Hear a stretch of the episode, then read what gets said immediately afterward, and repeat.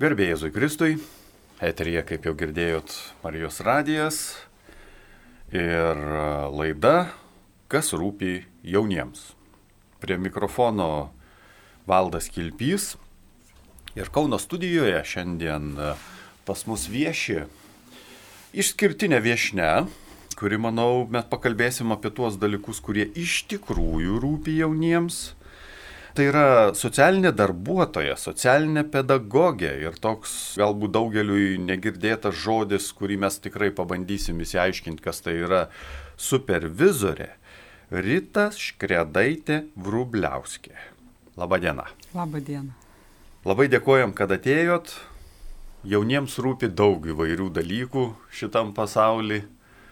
Tai nuo to ir pradėsiu. Iš tikrųjų, kai ruošiausi laidai, perskaičiau supervizorė. Čia kas tai yra, kas ta supervizija, kiek tai turi aktualumo jaunimui, sakykime, paskui taip natūraliai temsim tą siūlą ir mhm. įsiaiškinsim, ką veikiat pasaulyje ir kiek tai, ką veikiat pasaulyje, yra aktualu jaunimui. Mhm. O tai tas žodis iš tikrųjų toks naujas. Aš kaip dirbu su komandom, tai kai, jie, kai ateinu ir ir išgirstu, kaip jie kalba apie superviziją, tai jie sako Eurovizija. ir Tikrai, tada susinepatogina, pats... kai, kai aš išgirstu, tai, nu, yra iš tikrųjų. Dabar pats tas laikas. taip, taip, ir žmonės tiesiog tada ant bairio įma tai vadinti.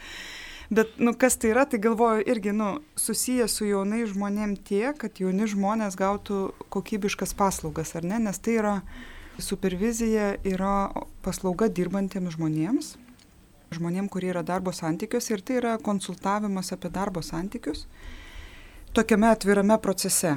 Ne, tai reiškia, tai nėra mokymai, kur būtų iš anksto kažkaip tai paruoštos temos, bet yra, yra atvira konsultavimo forma ir jinai gali vykti individualiai arba grupėje arba komandai. Ir vat, pavyzdžiui, komandos, ar ne, na, žmonės turi bendrą tikslą, skirtingus vaidmenis ir ten daug ko vyksta, ar ne, skirtingos asmenybės, žmonės įvairiai įsivaizduoja, kaip tas tikslas, kokiais būdais eiti kalbant apie tą patį lauką, tarkim, darbo su jaunimu vėl, ar ne, labai daug e, mūsų asmeninių patirčių saveikauja, nu, ką mes esam patyrę ar ne, ir tada jauni žmonės išveda vienus greičiau, kitus netaip greit iš kantrybės, vieni gali geriau brėžti ribas, kiti ne.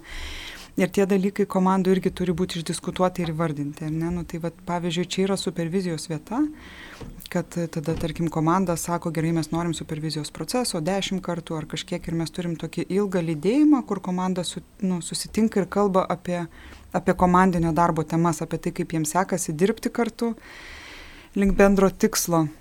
Čia yra toks, nu, Lietuvoje gal naujesnis dalykas, bet jau irgi nebe visai naujas, kai kur jau skaičiuoja 40 metį ir tai yra, aš dėl ko sakau, kad tai susijęs su pagalba jauniems žmonėms, aš pati supervizuoju visai nemažai įstaigų, kuris dirba su jaunai žmonėms. Ir tikrai yra ta formulė, kad jeigu, nu, jeigu komanda, kaip pasakyti, komandoje bus nuolatinės įtampos, ne, tarp darbuotojų, tai jie negalės taip kokybiškai dirbti su jaunai žmonėms. Ar ne? Ir todėl, kuomet jie patys yra, nu, susitarę, įsivardinę dalykus, nėra nuolatiniai įtampai, tada ir tas santykis su jaunu žmogumis yra švaresnis. Tai aišku, supervizija gali būti visuose laukuose, čia ne tik apie darbą jau, su jaunimu, bet jeigu šiandieną kalbam apie jaunimą, tai, tai tokia sąsaja tikrai yra. Ir aš tą tikrai vat, patiriu irgi supervizuodama, kad kai kai žmonės komandų išsiaiškina tarpusavio dalykus, kai jie atranda bendrą kryptį, kai susidėlioja vaidmenys, tada jie daug kokybiškiau dirba. Tai čia tarsi toks žvilgsnis iš šono, kada ateina, kai, kada ateina kažkoks asmuo, kuris turi žinių, turi išmanimo, Taip. turi tam, tikrus, tam tikras struktūras, pagal kurias dirba ir tada normalizuoja visus taip, tos jovalus, taip. kurie galbūt dedasi. Taip, kažkurie. aš turiu vieną vertus žinių, kitą vertus taip, labai teisingai, kad aš esu žmogus iš išorės ir aš jaučiu, kas vyksta, bet nesu tame santykyje. Ar ne, tai yra didelė dalis irgi, ką aš darau, tiesiog atspindžiu, jeigu aš jaučiu kažkokį, tai, nu, vat, ne, ten kažkokią įtampa didelė, ar, ar, kad, ar kad mes kažkokioj temui būna, nu, tiesiog negalim prie jos prieiti ir yra pasipriešinimas ir kartai žmonės, kai jie yra toj temui labai giliai emociškai, jie to nebejaučia. Tai aš turiu tą tokią, nu, va, žvilgsnį iš išorės. Mhm. Nu ir tą suderinus žinias ir mano, tai mano nedalyvavimą toj struktūroje, kuri ten yra, tai nu, yra visai gaunas geras rezultatas. Nuoširdžiai tikiu. Žinot, pasišneku su e, savo draugais, kurie ir, ir, ir versle, ir neversle.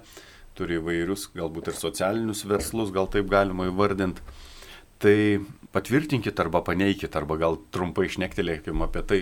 Jie sako, dabartinis jaunimas, jie ateina, viską nori daug, greitai ir su kuo mažiau pastangų. Ir dažniausiai kolektyvuose arba kažkur kažkokiuose tai bendruomenėse kyla įtampos pirmiausia dėl to, kad, nu, sakykime, mhm. dabartiniai kokie 40-mečiai, 50-mečiai, jie visgi supranta, kad viskas taip greit nenutinka ir kad ten nu, toks banalus pavyzdys, ar ne, kuo būsi, influencerių, ką darysi, influencerius. Labai greitai viskas, milijonai visą ko pradės birėti ir panašiai. Ir tos įtampos byra. Ar čia, ar čia tiesa, ar kaip čia yra iš tikrųjų?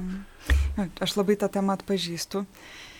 Ir va čia va irgi gal yra požiūris, kurį aš nešu apie jauną žmogų, kad uh, aš tą labai atpažįstu taip, kad jauni žmonės, nu, vat, mes, aš arti 40, ne, ir vis tiek, nu, vat, buvau dar kita karta, ne, nebuvo mobilių telefonų, buvo tikrai lėčiau viskas, buvo daugiau tokio, nu, mano patirtim, procesinio tokio patyrimo, ar ne, kur, vat, aš aš galvoju, kokia aš laiminga, tarkim, kad aš ištranzavau Lietuvą, ar ne, ir kai mes varydavom. Ištranzavot, tai reiškia, išvažiavot, nu, paaiškinkim, kas nežino, kas tai yra tranzavimas. Na, taip, pavyzdžiui, ne, ne, ne, neturėjo draugai mašinų, neturėjo jauni žmonės mašinų ir norėjo keliauti ir vyko kažkokie festivaliai ir sustikimai.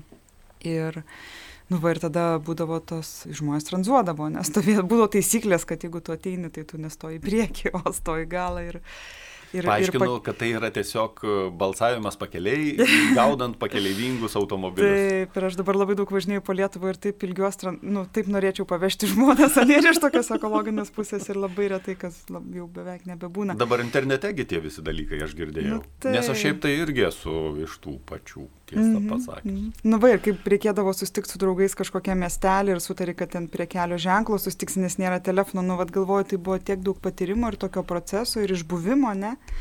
Ir dabar tikrai yra tas didelis greitis, bet ką aš manau kaip, kaip dirbantis su jaunimu žmogus, ne? Kaip, kaip ugdymo srity dirbantis žmogus, tai kad jauniems žmonėms patiems tas yra nelengva, kame jie dabar yra, ar ne, ta visa aplinka, tas greitumas, tas neišbuvimas, jis yra tikrai nu, ne, nepalengvinantis faktorius. Ir vad ką aš irgi, kai dirbu, tarkim, su specialistais, kurie dirba su jaunai žmonėm, kurie lydi jaunus žmonės, tai aš nešu tą žinę, kad jaunas žmogus šiais laikais jisai turi daug daugiau iššūkių iš esmės nei anksčiau, ar ne? E, vien jau tai, kad nuo anksčiau patys vaidmenys jie buvo labiau sudiktuoti ir aiškesni, dabar tu turi pasirinkti, ne, tu turi kaip jaunas žmogus begalinį įvairovę. Mhm kuo tu gali būti. Mokykloje vienaip, mokykloje yra tiek pavyzdžių, kokiu tu gali būti jaunu žmogum. Internete yra šimtai pavyzdžių, kokiu tu gali būti jaunu žmogum, kuo domėtis, kam priklausyti, ką valgyti, nevalgyti, atrodyti, tatuiruotis, nesitatuiruoti, ne. Ir iš raidos yra vienas momentas, kuris yra tas pats turbūt, kuris buvo ir anksčiau, ir dabar, tai kad jaunas žmogus, nu, kai jis iš vaiko jau tampa paaugliu, jisai nori viską žinoti ir nori būti tvirtai ant žemė ant kojų, bet patirties dar nėra ar ne? Ir tada tas aš tą pateikiu nu vat kaip tokį kaip skiautinio meno ane yra toks hainer koip konstruktyvistas ir jisai sako nu vat šių, šių laikų žmogus save klijuoja iš gabalėlių ane susiuvinėja į darnią kažkokią visumą. Ir ir jaunam žmogui tas uždavinys aš manau yra be galo sunkus ar ne? Save suklijuoti į kažkokį darnų paveikslą kai tu turi tiek daug pasirinkimų. Ir todėl ta frazė dažnai suaugę sako kad nu mūsų laikais tai ten viskas buvo, bet aš galvoju, tais laikais, nu tiesiog buvo daug mažiau, daug mažiau būdų nuklysti, ar ne? Nu, bet ta pati, pavyzdžiui, nu tie patys narkotikai, ar ne, vat, kur Lietuvoje tikrai aš, vat, tame laukia, darbė su jaunimu nemažai įstaigų konsultuoju ir kitose Lietuvos miestuose, tarkim, narkotikų problema. Ir, ir ar jinai aktuali? Kaip? Jinai aktuali? Jinai yra aktuali labai. Ir pavyzdžiui, mažose miesteliuose, kur yra nu, mažas užimtumas ir kur yra tikrai stiprus tinklai priekyvių, ar ne, ir jeigu jauni žmonės yra nedamylėti ir jaučia tuštumą, o šiaip paauglystėje truputį jauti tuštumą, tas yra vėlgi normali raidos dalis, tai tada tikrai nu, labai sunku jauniems žmonėms atsispirti, ar ne. Ir jie tą tuštumą pildo, tai aš kažkaip, nu, vat, Tai man čia toks pirmas žodis, vad žiūrint, nu, iš šių dienų, taip jauną žmogų, kad aš galvoju, jam uždavinys užaukti suaugusiu, kuris būtų darnoj su savim ir su aplinka, yra daug sunkesnis tas uždavinys šiais laikais. Tai čia toks pirmas žingsnis tą suvokti, man atrodo. Ir, nu va, ir padėti tam jaunam žmogui. Man labai patiko jūsų ta alegorija apie skiautinius, skiautinių meną. Tai išeitų taip, kad dabar tie žmogus susiklyjuoja tas anklodė ar kas ten bebūtų mm. iš daugiau mažesnių gabalėlių, negu mm. tarkim, kad turėjom mm. galimybę mes susiklyjuoti. Taip, ir prieštaringesnių, man atrodo, vat, Ir kad, kad gautųsi gražus ornamentas, reikia gerokai daugiau padirbėti. Taip, taip kad audiniai įvairesni ir kontrastuojantis, ir nes tikrai, va, įeini internetą ir kuo būti, ne, tai tu tiek gali pasirinkti, nu, stilių, gyvenimo būdų, o to vidinio tokio, va, kas atsiranda gal su metais, kad tu kažkokią tokią jauti jau pagrindą, kažkokia išmintis ateina, ne, nu, tai to, nu, nėra dar, kai tau yra 15 ir 20 gal. Man netiek daug ir buvo su 25 ir gal dar ir po to. kitiem pavyksta anksčiau. Bet čia iš tiesų yra labai svarbus tas tokio, mm, nežinau, ar, ar tinkamas žodis būtų tas supervizorius, ar, ar gal tiesiog kažkokio mentoriaus, dvasinio tėvo buvimas, -hmm. kad tas jaunas žmogus turėtų, kai jam sunku, tiesiog -hmm. kažkur nueiti ir paprasčiausiai pasikalbėti. Gal net nemoksliškai, -hmm. bet, nu, va, mm -hmm. išsisakyti, ar ne? Taip, taip. Aš irgi vat galvoju, kas sieja tuos dalykus, tarkim, nu, vat supervizija, ne, vat mano gyvenime, kas yra supervizija, yra jaunas žmogus, dabar nuo rudens prasidėjo labai aktyviai su pagalba pasienė esantiems žmonėms, ne. Tai yra tas jungiantis elementas būti šalia žmogaus, pirmiausia jį priimant ir pirmiausia nesmerkiant yra, ne, o jau jeigu kalbėt apie socialinį darbą, ne, kurį dirbam su jaunu žmogum, tai aišku, jau yra profesija ir ten jau yra daug kitų niuansų ir su tuo pačiu jaunu žmogum tas priėmimas jo kad jisai jaustų, kad va čia aš esu saugus ir aš čia galiu būti savimi ir aš čia galiu pasakyti savo ir kažkokias gėdas ir nepatogius dalykus, ar ne? Tai tas santykis dar nereiškia, kad aš tik tai klausysiu ir nieko su tuo nedarysiu. Mhm. Nes čia irgi, jeigu aš tampu tik tai... Kažkoks klausimo vamzdis. Taip, taip, yra tekę, vad, pavyzdžiui, yra jaunuoliai, kurie yra išmokę pasakoti, ne, mes dirbdom su jaunuoliais iš, iš institucijų ir jie turėjo tokią vat galimybę gyventi ne po globos namų tarkim ir būdavo kad nu papasakoja kažkokią vau istoriją ir tada sėdi ir galvoji va man patikėjo ir jaučiuos tokia ypatinga ir čia vau kokia gyvenimo istorija ir tada aš kažkaip tai suprantu kad jis ją visiems pasakoja, ne? Ir va tada pradedi... Būdinti pasakojimu. Jie yra išmokę, ir ne? Ir čia vėl negali kaltinti jauno žmogaus, jiems trūko dėmesio ten, kuris augo, jis augo institucijoje. Struktūroje nebuvo ir vis dar dėja nėra, aš nežinau vieno atsakingo žmogaus, kuris vat, jį lydėtų, ne vienas, nu, vat, kur būtų tavo žmogus ir su kuriuo tu galėtumai auginti santykių, supykti, nekesti, atleisti, atsiprašyti ir vis tiek būtame santykė. Net tas, man atrodo, nu, yra labai svarbus dalykas, jie to neturėjo. Nu, ir tada jie vat, atrado kažkurie kaip būdą gauti dėmesio, ne kiti atranda kitus būdus. Ir, ir dabar, nu, vat, aš irgi taip su laiku išmokau kai aš klausau istorijų, ar aš kažką tame jaučiu, ar ne. Ir kartais, na, nu, tikrai, kai yra netikrumas, tu nejauti nieko toje istorijoje. Ir čia aš turiu gerą barometrą, ne viduje, nu, vad ką aš jaučiu klausydama. Ir tuomet e, irgi, jeigu yra dalykai, kurie nėra tikri, arba aš juos kažkaip tai, nu, patiriu kaip galbūt netikrus, tai aš kviečiu į iššūkį apie tai kalbėti. Nu, tai nėra, kad aš tiesiog, vad, kaip sako, tas vamzdis, ne? Mhm. Nes tada irgi truputį nebetenka prasmės gerai tu priemi ir saugu, ir kartais tikrai kartais užtenka šalia jauno žmogaus vat mūsų dar nu patirty va dirbant su jaunimu kartais tikrai atsiranda tas saugus suaugęs kuriuo jie patiki ir jau dalykai pradeda keistis ar ne savaime. Bet kartais reikia tame palydėjimo. Tai vat kaip aš kalbu irgi kad nu suaugę žmonės lydėtojai sakau ane tai ir yra nu vat dalykų perklausymas ane? Tas pats atspindėjimas ar pasidalinimas, man atrodo, gal tai, ką tu dabar darai, tau gali ateiti kažkaip nepadėti, ką tu apie tai manai, ar ne. Bet skirtumas yra, kad be reikalavimo ir be spaudimo, ne, kad jeigu jaunas žmogus nepasirinks to kelio, kurį aš jam sakau, tai aš nenustosiu būti šalia jo.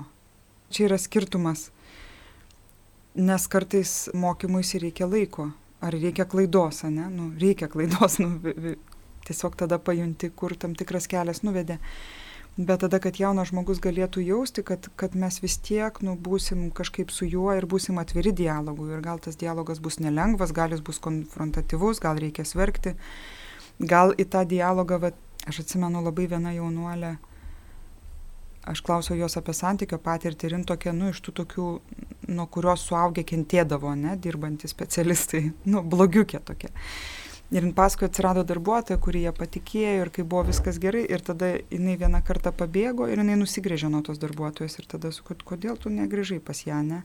Sako, nes man buvo gėda. Ne, nu vad gėda, nes manim tikėjo ir aš ją nuvyliau. Tai vėl gali reikti laiko sugrįžti. Ne, nu, negalim tikėtis, kad kitą dieną jaunas žmogus atbėgs ir sakys, nu aš čia padariau klaidelę, atsiprašau, gyvenkime toliau draugiškai.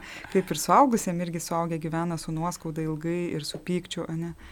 Tai reikia laiko, bet tada tas jausmas, kad nu, tu gali sugrįžti ir mes vis tiek galėsim būti dialogė, man atrodo, va tas yra labai svarbu. Ir tada mes leidžiam jaunam žmogui mokytis ir suprasti, kas su juo vyksta, bet išliekam santykyje. Mhm. Ir tą vat irgi jauni žmonės, aš tokią vieną, vienas rytį koordinuoju ir akcijo katolika patria organizacija Kaune, kuri dirba su jaunai žmonėm, didžiąją dalimi, kurie patiria sunkumus. Tai jauni žmonės tapo to, nu, mes kartais klausim, kai praeina daugiau metų, ten yra jaunuolių, kurie dešimt metų, pavyzdžiui, lankosi, ne, skirtingais intensyvumais ir, ir tada klausim, kuo tau ypatinga buvo ir jie sako, žinau, kad aš čia visada galiu sugrįžti ir aš čia, kad ir ką padarysiu, aš būsiu primtas. Nu, tai tas yra labai ypatinga, nes, nes dažnai jauni žmonės ir šeimoje to nejaučia. Būtent, nu, aš, aš, aš apie tą matį ir galvoju. Jo, tu esi mylimas ir tas galbūt šeimoje dar, dar labiau ir galima suprasti, tėvai turi lūkestį, augino, investavo, aukojo savo laiką, pinigus, o ne į tą vaiką. Ir tada gal taip netyčia ir, ir atsiranda tas lūkestis, kad tas vaikas kažkuo konkrečiu užaugs. ir jisai neužauga kažkuo konkrečiu, ne, tai čia, nu aišku, tėvam yra dar daug sunkiau, nes jie yra nu, emociškai labai įsitraukę. Bet e, taip, bet dažnai tas, tas lūkestis, nu, va, tas poreikis tokio saugaus santykių šeimoje yra ir netliptas. Ypatingai dabar visokių emigracijų laikotarpių mm. ir, ir, ir panašiai. Mm -hmm. Taip, čia tevam irgi reikia pagalbos ir irgi reikia, va, to, tos mentorystės, ne? Nu, žmogaus, kuris būtų šalia ir padėtų kartais atsirušiuoti truputį, ką jauti, ne? Nes tie, tie lūkesčiai, nusivylimai, jie labai susipainioja. Mhm. Žinot, aš klausau jūsų, e, be abejo pritariu visom mintim, bet pats e, truputėlį pagalvoju, kad vėlgi paneikit arba patvirtinkit. Aš turiu nemažai e, pažįstamų psichologų. Nu, mhm. Nu, tiesiog iš universiteto laikų mhm. ir panašiai. Žinokit, klausau jūsų ir beveik girdžiu dar vieno psichologo kalbėjimą. Nu, A ne? Jo. aš nesu psichologas. Ne, tai aš suprantu, kad ne. Bet uh, Ir tada man natūraliai kyla klausimas. Nes jeigu jūs būtumėt psichologė, mm. o jie yra įsivaizdavę, nu, jie turi tokį savotišką įsi, įsivaizdavimą, didžioji dalis, mm -hmm. nepasakysiu kiek, bet didžioji dalis, su mm -hmm. kuriais kalbi, jie turi šventą įsivaizdavimą, kad dabarties laikmečio ir jaunuoliai, ir suaugę žmonės, va tie žmonės, mm. kurie gyvena tame greitėjančiame -hmm. laike, kaip šnekėjom, tose visose technologijų beprotiškame -hmm. skubėjime, mm visiems labai trūksta psichologo pagalbos. Ir dabar mes šnekam apie jaunimą mhm. ir, ir jūs irgi sakot, nu iš esmės kalbam apie vėlgi tą patį mhm. buvimą, vienas dalykas mhm. šalia, mhm. antras dalykas turėjimą žmogaus, su kuriuo gali pasišnekėti, nu ir mhm. tarsi atsiremti jo petį, ar ne? Aš nežinau, ar psichologo, bet vat, ką aš nešu kokią žinią santykio. santykio trūksta. Nu, žmonės, gal va tas skubėjimas irgi, ne, gal, gal visai atima ir aš galvoju tie patys, nu, va, telefonai, visos medijos, ne kiek tenai vyksta ir jeigu tu nu, nori kasdieną peržiūrėti tą Facebooką, tai tu turi atimti valandą iš šeimos, ne? Nu. Tai valanda daug dievė, ir, ir valanda, kai... šiaip tai daugiau. daugiau, šiaip tai daugiau, jeigu dar atsakyti ir pakomentuoti ir kažkaip palankinti. Tai tikrai taip. yra ką veikti, ne? Jo. Tai aš galvoju čia apie santykį ir man atrodo čia tikrai, ar tai būtų psichologai, ar aš esu kaip socialinė darbuotoja, bet tai yra unikalus dalykas, nu, kad žmogui reikia santykio. Ir kad santykis jisai, nu, turi didelę tikimybę tokiai narpliavai, ne? Ten, nu, vat, lūkesčiai visokios emocijos, ne? Ir todėl kartais, nu, tas žmogus iš išorės tiesiog, nu, padeda, padeda atsinarplioti. Mhm. Nu, bet tai gal ta, gal ta žinia panaši, bet... ne, nu aš tiesiog, va, dabar jūsų beklausydamas, taip kažkaip man natūraliai tokia mintis kilo, tikrai neturėjau tokio mm. sugalvoto klausimo. Taip, taip, taip. Ir aš kai kalbu apie, mm, apie tikrai, va, kaip galvoju, kaip mes dirbdavom ir aš sakydavau, kodėl man patinka socialinis darbas, kodėl va čia mano pašaukimas, tai kad tas labai daug yra apie tikrumą, bet labai daug apie konfrontavimą. Šiaip man aš vat kaip kartais ateina žmonės, sako, noriu būti socialinė darbuotoja, nes noriu padėti žmonėm ir Tai aš esu atradus, kad socialinis darbas yra apie labai konfrontavimą irgi ir tokią nepatogią tiesą, ne, nes jeigu tu jau esi tame santykiu nu, ir esi kaip specialistas lydintis, tai tu vis tiek e, turi daug nepatogių dalykų atspindėti arba perklausti, ne, arba jaunuolis, nu, galbūt e, meluoja kažkokį dalyką ir tu jauti, kad mm, truputį nesutampa faktai kažkaip, ne, ir tu kartais tikrai yra labai sunku, nes nori neprarasti santykio. Bet va tada, jeigu tu tik dėl santykio būsi, ne, tu tapsi tuo vamzdžiu. Mhm. Ne? Ir tada rasti jėgų ir pasakyti, bet palauk, palauk, čia kažkaip nesutampa, ką tu sakai, ne, kaip ja. čia buvo. nu, vat, ir būti tame nepatogume ir tame konfrontavime, nes tai yra sąlyga irgi, kad jaunas žmogus galėtų aukti. Ne? Tai tas man, aha, man tas vat, yra svarbus irgi aspektas, kad tai nėra saldu ir nėra tik romantiška kažkaip, ne, kad tu sėdi šalia ir šipsaisi. Ja, ja. Ir aišku, ir tada tas konfrontavimas jis yra nuolat ir darbas su savimi, ne, rasti tame jėgų ir išlaikyti va tokį, nu, tokią švarą to santykio. Jo, kadangi laidai pusėjo, primenu, kad uh, Kalbamės su socialinė darbuotoja, socialinė pedagogė ir supervizorė Rita Škredaitė Vrubliauskė. Laidą vedu aš Valdas Kilpys. Ir ruoždamasis laidai pasiskaičiau, ką jūsų turbūt CV, turbūt reikėtų taip sakyti, mokėtės užsienyje nemažai. Ar Kaip ten ta situacija yra? Tiesiog visada, va, ir kalbant ir apie jūsų veiklą, ir, ir bendrai visada smagu pasižiūrėti šono. Ar matot kažkokius ne, skirtumus, ka, kažkaip ar mes vis tiek jau esam tam bendram tokiam laive europiniam ir čia kažkai kokių tai ypatingų dalykų pas mus Lietuvoje ir nevyksta. Studijų skirtumus. Ir studijų, mm. ir apskritai, nu, ten turbūt irgi kažkokias praktikas turėjot, gal nu, ar, taip, ar kažkas taip. iš tos Nu taip, aš skirtumų daug mačiau ir matau. Ir, ir labai džiaugiuosi tą patirtim, kad galėjau tikrai, va, toks, nu, būdama jauna, kažkaip man tikrai nuvedė gyvenimas į tą Vokietiją, aš neplanavau pati. Aš pati išvažiavau savanoriaut, buvo tik prasidėjusi nu, tarptautinė ta savanorystė, mhm. Europos savanoriška tarnyba. Ir aš buvau, man atrodo, gal antrą kartą Lietuvoje, tai toks ant kiek dabar savanoriai turi savo teisų ir lydėjimų ir visokių pilną duonbazių, kur viską gali rasti, aš atsimenu, man va ta pati akcija Katolika Patrija, aš savanoriavau, atspausdino tokį rudą lapelį su keliais vokiškais tokiais aprašymais projektų. Aš nuėjau pas vokiečių mokytą, sakau, išverskit. Jinai ten kažkaip vieną supratau, kad mobilus darbas su autobusiukų gatvėje, su gatvės vaikais gerai, galvoju, Lietuvoje to nėra, aš jau norėjau socialinį darbą ir kažkaip išvažiavau savanoriauti. Na nu, ir po to dar ten metus dirbau tų savanorių organizacijų ir kažkaip da, priejau iki studijų irgi turėjau, nu, bet kažkaip draugų, kurie labai taip padrasino, pati nebūčiau sugalvojus. Mm. ir šiaip vat, irgi gal truputį su šiandienos tema, kaip man, kaip man sekės ir ką aš e, taip labai jaučiau kaip skirtumą. Aš mhm. Lietuvoje nesu studijavus, tai irgi svarbu pasakyti. Nu, aš studijavau mhm. superviziją, ne, bet, bet ten buvo vis tiek mokytojai iš užsienio. Uh, bet aš labai daug esu nulydėjus praktikantų, ne, kol dirbau akcijo katolika patrija ir, ir šiaip daug, nu, daug, su daug jaunų žmonių bendrauju, ne, nuolat. Mhm. Tai va taip, man kas buvo labai stipru, tai kad, kad pavyzdžiui, mano grupiokai buvo pajėgus diskutuoti su dėstytojais, bet tokiu konstruktyviu būdu, ne tai, kad sudirbinėti, vad galvoju, pas mus labai daug tokios, jo, jo, jo. kažkas kažką visų dirba, kažkaip, nu, tu ten ne taip čia pasaky bet kelti tokius nu konstruktyvius vat perklausimus. Ir man tas buvo kažkas tokio ane? Ir mes nauji mūsų septyniasdešim kurse. Aišku man buvo sunkiau dar dėl kalbos ar ne? Aš mokėjau vokiškai nu bet vis tiek ne gimtoji ir tada jau viešai klausiant prie visų yra toks truputį virpuliukas susi susimauti kažkaip ar kad manęs nesupras. Bet ta tokia diskusijos kultūra man buvo kažkas tai tokio Ir tada kita vertus ir dėstytojų atvirumas, ar ne, kad, kad keliant tos klausimus aš nei karto nejaučiau, kad dėstytojai kažkaip jaustųsi gynybiškai kad jaustųsi gynybiškai ir kad kažkaip tai tenai bandytų sumauti tą studentą, nes jie tikrai galios turėtų, ne, ir žinių turėtų. Tai padėti vietą, sakytume, būtiškai, ne. Tai man tas buvo pačiai labai sunku, nors aš jau, aš buvau iš tokios, nu, man atrodo, gana, aš labai anksti pradėjau savanoriauti, buvo tokie sveikatos centrai, paskui akcijo katolika patrija, nu, buvo Knopcas, tokia nevyriausybinių paramos centras, nu, vat visokios ir aš ten labai aktyviai įsitraukiau ir labai daug laiko praleisdavau savanorystiai. Tai aš jau atrodė tokia buvau daugiau reflektuojanti ir kažkaip samoningesnė, bet vat vis tiek tas buvo labai sunku ir aš tada tokia pažinau, nu, vat, labai kitą kultūrą ir galvoju, čia yra, man atrodo, nu, tas neįvyksta staiga, ne, ir čia, aš manau, yra ir šeimų didelis indėlis, kur gal vaikų buvo labiau domimasi, labiau klausama, labiau jo nuomonė svarbi, aš manau, tai yra tikrai tai, nu, aš irgi analizavau, kodėl man tai yra sunku, ne. Mhm.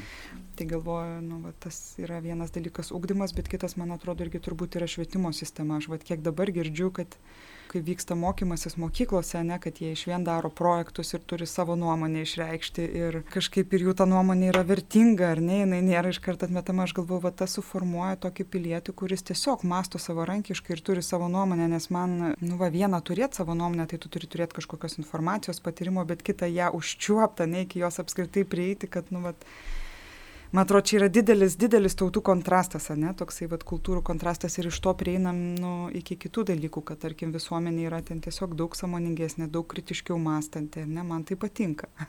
man gera ten būti, ne, man gera sustikti su žmonėm, kurie tiesiog masto skirtingai, bet ten nėra tiek va to sudirbimo tokio, pas mus tikrai labai daug. Aš dabar pati vat, su dar viena savanorystė įsitraukiau tokią nepatogią temą Mm, su pabėgėliais ir tikrai yra tiek daug neapykantos, nu tu turi pakelti tiek daug neapykantos, ne, daryt, būdamas kažkokiam, nu, vat, ne, nepatogioj tokiai temai, kad... Neapykantos iš ko? Iš žmonių tiesiog, nu kažkaip žmonės turi labai daug... Turit tokio... minti iš mūsų vietinių. Nu taip, taip, taip. Mhm. Taip, kad jeigu darai vat, kažkokį darbą, kuris gal jiem nelabai patinka, bet tada būdas, kaip tą išreiškia žmonės, tai tiesiog rašo, jūs asilai, jūs niekingi padarai, citatos, ne? Mhm. Ir galvoju, wow, nu kažkaip gali nuomonė skirtis, ne, bet tai yra nu jau tikrai tokia neapykantos kalba. Ir dar kalbant apie Vokietiją, kas man vat irgi kaip tokiai 20 e, metų studentai buvo labai neįprasta tai, kad aš buvau, tarkim, įdomi dėstytojam. Aš nebuvau vienintelė ten užsienietė ir jie turėjo tokį, tuo metu buvo Rytų Europą toks dėmesio centre ir buvo tam tikras vietų skaičius, kurie, nu, primdavo studentus. Ir atsimenu, dėstytojas sako, Rita, kaip tu gyveni, kaip tu čia sekasi, kaip tu, kaip tu, kaip tu būte gyveni, ar viskas jums gerai gal nori kada arbatos ateiti. Ir man buvo, aš atsimenu, kai pakvietė dėstytojas, tiesiog arbatos ir ten tikrai buvo tiesiog domėjimasis kaip žmogum, kad gal aš truputį vienišesnė, gal čia, mhm. nu. Aš dvi dienas buvau įtampoje. ir aš tikrai negebėjau mėgsti paprasto lygiaverčio dialogo, ne, va, su žmogum, kuris yra kažkaip autoritetas, mano dėstytojas ir galvoju, čia irgi, nu, va, tokį kažkokį paveldą atsinešiau, ar ne? Ir Nu ir tie dalykai yra labai svarbus mokymuisi, ne? jeigu aš gebėčiau būti tame lygiaverčiame dialogė ir kelti klausimus ir diskutuoti, tas yra labai svarbi medžiaga pačios augimui. Kiek girdžiu kartais iš studentų, kad man, nu, aš galiu tik tai va taip tokią fantaziją esu susidarius, ar ne, iš jų pasakojimų, bet kad kartais, nu, Lietuvos universitetuose yra vis dar sunku. Galiu tik patvirtinti kaip diskus... dėstytojas. aš taip žinau, kad jis dėstytojas, tai aš labai subtiliai bandau formuluoti. Galiu kad... tik patvirtinti. Bet kita vertus nėra taip jau visai, kaip, aš tikiu, aš... kaip būdavo, ar ne? Mm -hmm, mm -hmm. Uh, nu, ne, nu, aš irgi neturiu tokio didelio konteksto, kad kalbėti ten, o, prieš 50 metų. Ne, taip, tikrai taip. ne. Bet žmonės keičiasi, bet tai, ką jūs kalbate, yra. -hmm. Yra. Ir pas mus būdavo, va, ypač kaip socialinį darbą, aš mokiausi atspedagogiką, reikia tokio nuolatinio suvedimo to, ką tu girdi, su tuo, ką tu jauti ir kaip tu supranti, ar ne, nu, ypač šitam laukia, ar ne, ir nuolatinės tokios refleksijos, tai aš vad ką girdžiu, nu, bent iš šito lauko, iš Lietuvos studentų, kad man atrodo daug, daug, daug mažiau vyksta. Nu ir tada gaila, ne, iš to išeina specialistai, kurie mažiau pajėgus tada sukabinti Čia daug, daug, čia atskira laidos tema iš tiesų, nes man tai jinai šita tema yra irgi baisiai jautri ir galėčiau išvardinti iš savo bakalauro ir magistro studijų, ko gero nedaugiau dviejų ar trijų dėstytojų, su kuriais buvo toks santykis. O, o, tai buvo, mm -hmm, nu, mm -hmm. o, o tų dėstytojų buvo tikrai nemažai, mm -hmm. kai pagalvoji. Ach, ir dar aš atsimenu, aš rašiau diplomą ir, ir dėstytojas, nu, vad sako, tu mąstyk metaforom ir kaip tau, aš rašiau apie identiteto pasikeitimą, ne, kaip gyvenau užsienį ir, grįžau, ir grįžusių žmonių po to į Lietuvą ir kas ten, kuo tu ten tampi. Ne. Mm -hmm ir sako naudok metaforą. Ir tada nu vat ką tu sako jauti iš to savo tyrimo sakau nu vat kaip kaip būdavo senovinės tos lovos ir įkrenti tarp čiužinių būdavo tas tarpas ane ir kai vaikas įkrenti. Sakau vat kad tu nei tuo nei tuo tada esi. Ir pavyzdžiui aš galėjau darbe naudot tokias metaforas ir iš to man pavyzdžiui diplomo rašymas man buvo aš tą taip gerai prisimenu buvo aišku labai sunku ir verkiau ir bandžiau ten gauti iš gydytojo kažkokį laišką kad atidėti bet nemokėjau susitvarkyt šitų reikalų. Bet buvo tikrai fainai vat rašyt ane Ir aš su viena lietuvių dėstytoja ir kalbėjau ir kažkaip sakiau, ir jinai sako, aš kaip dėstytoja, aš tau braukčiau. Ir aš taip atsimenu tą jos pasakymą, aš tau braukčiau, braukčiau, Nes braukčiau, braukčiau. Nes Ne, nemoksliška. Ir galvoju, kaip gaila, nu iš tikrųjų, ne? Kaip gaila. Taip. Ne per seniausiai patyriau visą tokį panašų. Mm, Na ir tada dalyką. žmonės rašo tos baigiamosius darbus, kur galėtų būti tikrai tavo žinių užtvirtinimas ir galėtų būti sunkus, bet toks tikrai fainas procesas ir žmonės kažkaip juos parašo rimta kalba, padeda į stalčių ir, Ir niekas paskui daugiau jų gyvenime nebeskaito. ir jie nelabai ir įdomus būna. Žinot, klausau jūsų ir, ir turėjau jau, va šitas klausimas tikrai yra paruoštas, ar ne, nes visai Nu. neseniai skaičiau tokią knygą, gavau dovanų tokia kinų kilmės amerikietė, Angela Duckworth. Knyga labai rekomenduoju ir mėlyms Marijos radijos klausytojams. E, Jinai vadinasi Atkaklumas, aistros ir ištvermės gale. Ir Ir kai mes dabar kalbam apie jaunimą, apie tas visas problemas, su kuriomis susiduria jaunas žmogus, va tam greitėjančiam laikė ir, ir visam tam toje atmosferoje, kurią mes jau taip daugiau mažiau aptariam, pasirinkimų yra beprotiškai daug, laisvės yra daug, visko yra daug. Ir šita mokslininkė, Andžela, dabar visai neseniai, gal tai ta knyga parašyta prieš kokius 2-3 metus, ten atlik, nu ten su tyrimais, ten tikrai e, ne, ne šiaip žmogus susigalvojo vieną rytą atsikėlęs. Jis sako, kad rimti ir žmonės arba tie žmonės, kurie šitame pasaulyje kažko pasiekia, pasiekia ne dėl to, kad juos, jiems visada visi aplink pritarė. Ir visi sakė, koks tu nuostabus. O kaip tu šauniai čia kažkokį gal net ir negerą dalykėlį padarėjai. Tu tokia asmenybė ir tu, tu pats geriausias, tu daryk, ką nori ten, jeigu piešiam, uh, uh, sakykime, podelį, tai tu nupiešiai asoti ir sako, o, bet jis truputėlį panašus į podelį. Ir ta, tam tikras toks pataikavimas gaunasi, ne?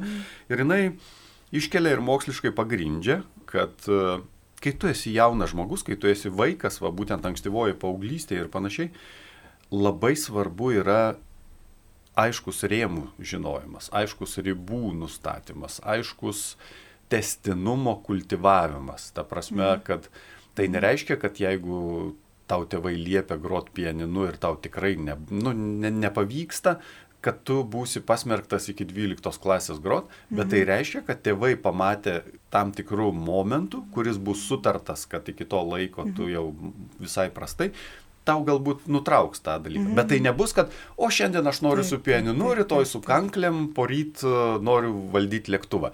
Tai, nu suprantat, kur su Taip. klausimą. Tarsi viena vertus yra tas toks visiškai atviras laukas jaunam žmogui, bet kita vertus yra ribos, iš kurių, pasak a, šitos mokslininkės, a, iš tų žmonių, kurie labai aiškiai suvokė ribas, jiems buvo nustatytos ribos, tik ir gaunasi genijai, gal net ir taip galima pasakyti. Mm. Kokios jūsų mintys šitą temą? Nes aš turiu savo nuomonę. Aš irgi. Aš kai klausau, tai galvoju, čia mes, nu, nuo ko pradėjom šitą laidą. Čia man Nu, šitą tai temą. puiku, turim dar Apie- penkias minutės, tuo ir užbaigsim. Man čia apie išbuvimą, nu, vat irgi apie, aš labai šiaip, yra tikrai visuomeniai skirtingų požiūrių apie tą patį ūkdymą ir yra tas požiūris, nu, be ribų, be ne ir kažkaip ar ne. Tai aš esu tikrai labai šalininkė, kad nu, mus visą gyvenimą lydi belekiek ribų. ir aš atsimenu, kaip mes pradėjom dirbti su jaunai žmonėm, va tą tokį, kurie po, po globos namų metus galėdavo gyventi. Ir ten mes kūrėm tiesiog e, per kitų patirtį, per refleksijas ir tokį norėjom savo modelį sukurti, nu, ne kažkokį copy-paste. Ir tada irgi būdavo, nu, vat, kaip pagrysti jauniems žmonėms, ne, kad reikia tau keltis, kad reikia eiti, kad Jo. diena turi turėti struktūrą, kad reikia pasiklot lovą. Tai aš tada vat atradau tą, kad tu visą gyvenimą tave lydės ribos. Ane? Ir tai nėra kažkas blogo. Nu, ta prasme, tai nereiškia, kad aš esu robotas, bet realiai aš šiandieną žinojau, kad aš turiu čia važiuoti. Aš turiu pagaminti valgyti, buvo vaiko gimtadienis vakar, reikėjo tvarkyti namus ir aš nuolat turiu lipti per save ir save, nu, organizuotis tam tikriem dalykam. Ir man atrodo, čia vat jauniems žmonėms ir vaikams tas yra be galo svarbu. Ir vat, kaip jūs sakote apie tą burelių lankymą, aš atsimenu irgi dukro pradėjo verkti, kad nenori ten lankyti šokių ir tada nu, mes davėm terminą, iki kada jin galės, nu, nu, nutraukta, ne, bet, bet va čia apie išbuvimą aš galvoju, kad ir kas jį ten sunkaus yra, nu aš bandžiau suprasti, kas jį ten sunkaus, bet ten turi, nu, tam tikrą laiką išbūti, ne, ir, ir ten viskas labai gerai baigėsi, jinai lanko ir toliau, ir jai tiesiog praėjo kažkokia tai, taip, ir aš, ir aš manau šiaip Aš tokią kitą knygą skaitau, yra Scott Peck, toks ir jis yra labai šalininkas, kad, nu, kad be, be problemų, be sunkumų mes negalim aukti, ar ne, kad tai yra, nu, bet kad šiais laikais yra labai daug iliuzijos tokio gyvenimo, kuris tik tai fainas visada. Tai vad man čia irgi panašiai, ne, aš galvoju, nu, ir tos pačios vad konfrontacijos ribos, kurios tuo metu yra nemalonios, bet jos yra labai, nu, labai labai svarbios saugimui ir jos lydės visą likusį gyvenimą. Ir, ir aš labai sutinku su tuo, kad tai yra nuseklus darbas, ne? Ir, ir irgi vat patiriu, kaip tėvai, pavyzdžiui, patys nėra nuseklus, patys nelaiko nuosekliai ribų, bet kai užeina nuotaika, tada labai to reikalauja iš atžalos, tada pakelia vėją ir, ir tada ne, kažkaip tai. Bet, bet patys to, ne, po to viskas nurimsta ir, ir tada to negali tikrai, tai nėra dalykas, tai yra įgūdis. Ne? Ir įgūdžių reikia reguliaraus nu, kartojimo, reikia daug laiko, reikia nuseklumo. Ir tai tikrai yra va, dalykas, kuris turi būti nu, nuolat aplinkoje. Nuolat laikomos ribos. Ir aš šiaip pat galvoju apie tą nu, visą auklėjimo, man atrodo, nu, esmė, kad būtų santykis. Ir tada gali būti ribos, gali būti konfrontacija, tėvai gali supykti, aš nesuvokiu, kaip tėvai gali nesupykti kartais. Mm. ir, ir aš, tarkim, nu, vat, su savo vaikais aš tikrai būna, kad aš ir užšaukiu, bet aš jaučiu, kad aš jų nežaloju, nes šiaip jie žino tikrai, kad aš juos myliu ir aš po to pakalbu, ne, kaip man sunku buvo jau, ne? Ir, ir aš tikiu, kad jie tą supranta ir mokosi empatijos. Ir tai, man atrodo, tai yra tikrai neturi būti žalojantis, ne dalykas, bet labiau padedantis aukti. Taip, ginčio nesigavo, nes aš galvoju lygiai taip pat. kvieskit ką nors kitą. Ne, aš nu, nuoširdžiai ranką ant širdies pridėjęs ir ruoždamasis laidai ir šiaip bendrai gyvenime labai skeptiškai žiūriu į, į visokius coachingus ir panašius mhm. dalykus, kadangi jie yra va būtent, ką jūs ir minit, Tai yra tiesiog tokie pripuolami dalykai. Kažkas mhm. pripuolė, pašnekėjo, tau pasakė mhm. scenarijų, kaip tau būti laimingam, kaip tau uždirbti milijoną arba nusipirkti Ferrari, kaip ten yra vienuolis ir Ferrari visokios ten knygos. Ir tu tarsi turi scenarijų ir dabar tu būk laimingas? Va, va, bet čia aš noriu tada atreaguoti, pavyzdžiui, superviziją, ne, va, jinai yra visada procese, nu, visada yra ilgas procesas, tai nėra va toksai greitas. Ir, todė, ir va čia va ir yra apie tai esminis skirtumas, ar ne, kad tu turi išbūti ir atsiranda santykis, nu, va supervizija turi, pavyzdžiui, jeigu komanda, tai ten minimum penki kartai, o ne individualus minimum penki, tai va būtent dėl to, kad kartai žmonėms užtenka tokios greitos išvalgos, ar ne? Bet va, tie procesai jie ir yra tam, kad užsimėgstų santykis ir kad būtų laikas suprasti, kur reikia pokyčių įsigyvendinti ir sureflektuoti. Tai yra toks ilgesnis procesas. Mhm. Aš galvoju, kad, o, kaip visada nutinka, kai įdomiai kalbasi, baigti reikia pačioj įdomiausioje vietoje. Ir dabar galvoju, kad tokią puikią temą užčiapiam apie pareigą būti laimingam, tą, tą iš išorės tokią stumiamą, nu, tarsi jeigu tu nelaimingas, tai tau gyvenimas ir nenusisekė, bet tu gali būti truputį ir nelaimingas, ta prasme, kad tai yra kalniukai, tai tiesiog. Tai štai, primenu, nebent Jūs turit kokį nors stebuklingą receptą jauniems žmonėms, taip kad būtų toks gražus laidos užbaigimas? Gal jeigu mes kalbam apie santykį, nežinau, kiek čia stebuklingas receptas, ne, tai bet aš tai... linkėčiau jauniems žmonėms, nu, vat, ieškoti to santykio su suaugusiu žmogum, kuris jiem būtų saugus ir kur jie jaustus priimti. Ir galvoju, kartais tai gali būti žmonės giminės rate, yra tikrai daug istorijų, jeigu tėvai tokie, nu, labai linkę -hmm. daug reikalauti ir jaučiat, kad, nu, ant, ant planos kortos stovi, tai gal yra giminiai žmonių, gal yra kažkas, su ko galit mėg santykių, o jeigu ne, tai yra atviri jaunimo centrai, yra, yra įvairūs energijai viskupijų jaunimo centrai, įvairios įstaigos, bandykit, eikit, ieškokit, netiks, išeisit ane, bet, nu, vat, ne, pasirūpinkit savim, kad, kad neužauktumėte be tokio saugaus, tvirto santykio su suaugusiu žmogum, nes tas tada gyvenime gali kai kurie dalykai būti sunkiau. Tikrai prasmingi žodžiai. Kągi, laikas spaudžia, esam priversti atsisveikinti. Primenu, kad Kauno Marijos radio studijoje viešėjo socialinė darbuotoja, socialinė pedagogė supervizorė Rita Škredaitė Vrubliauskė, Laidą vedžiau aš, Valdas Kilpys. Būkim laimingi, bet be įpareigojimo su Dievu.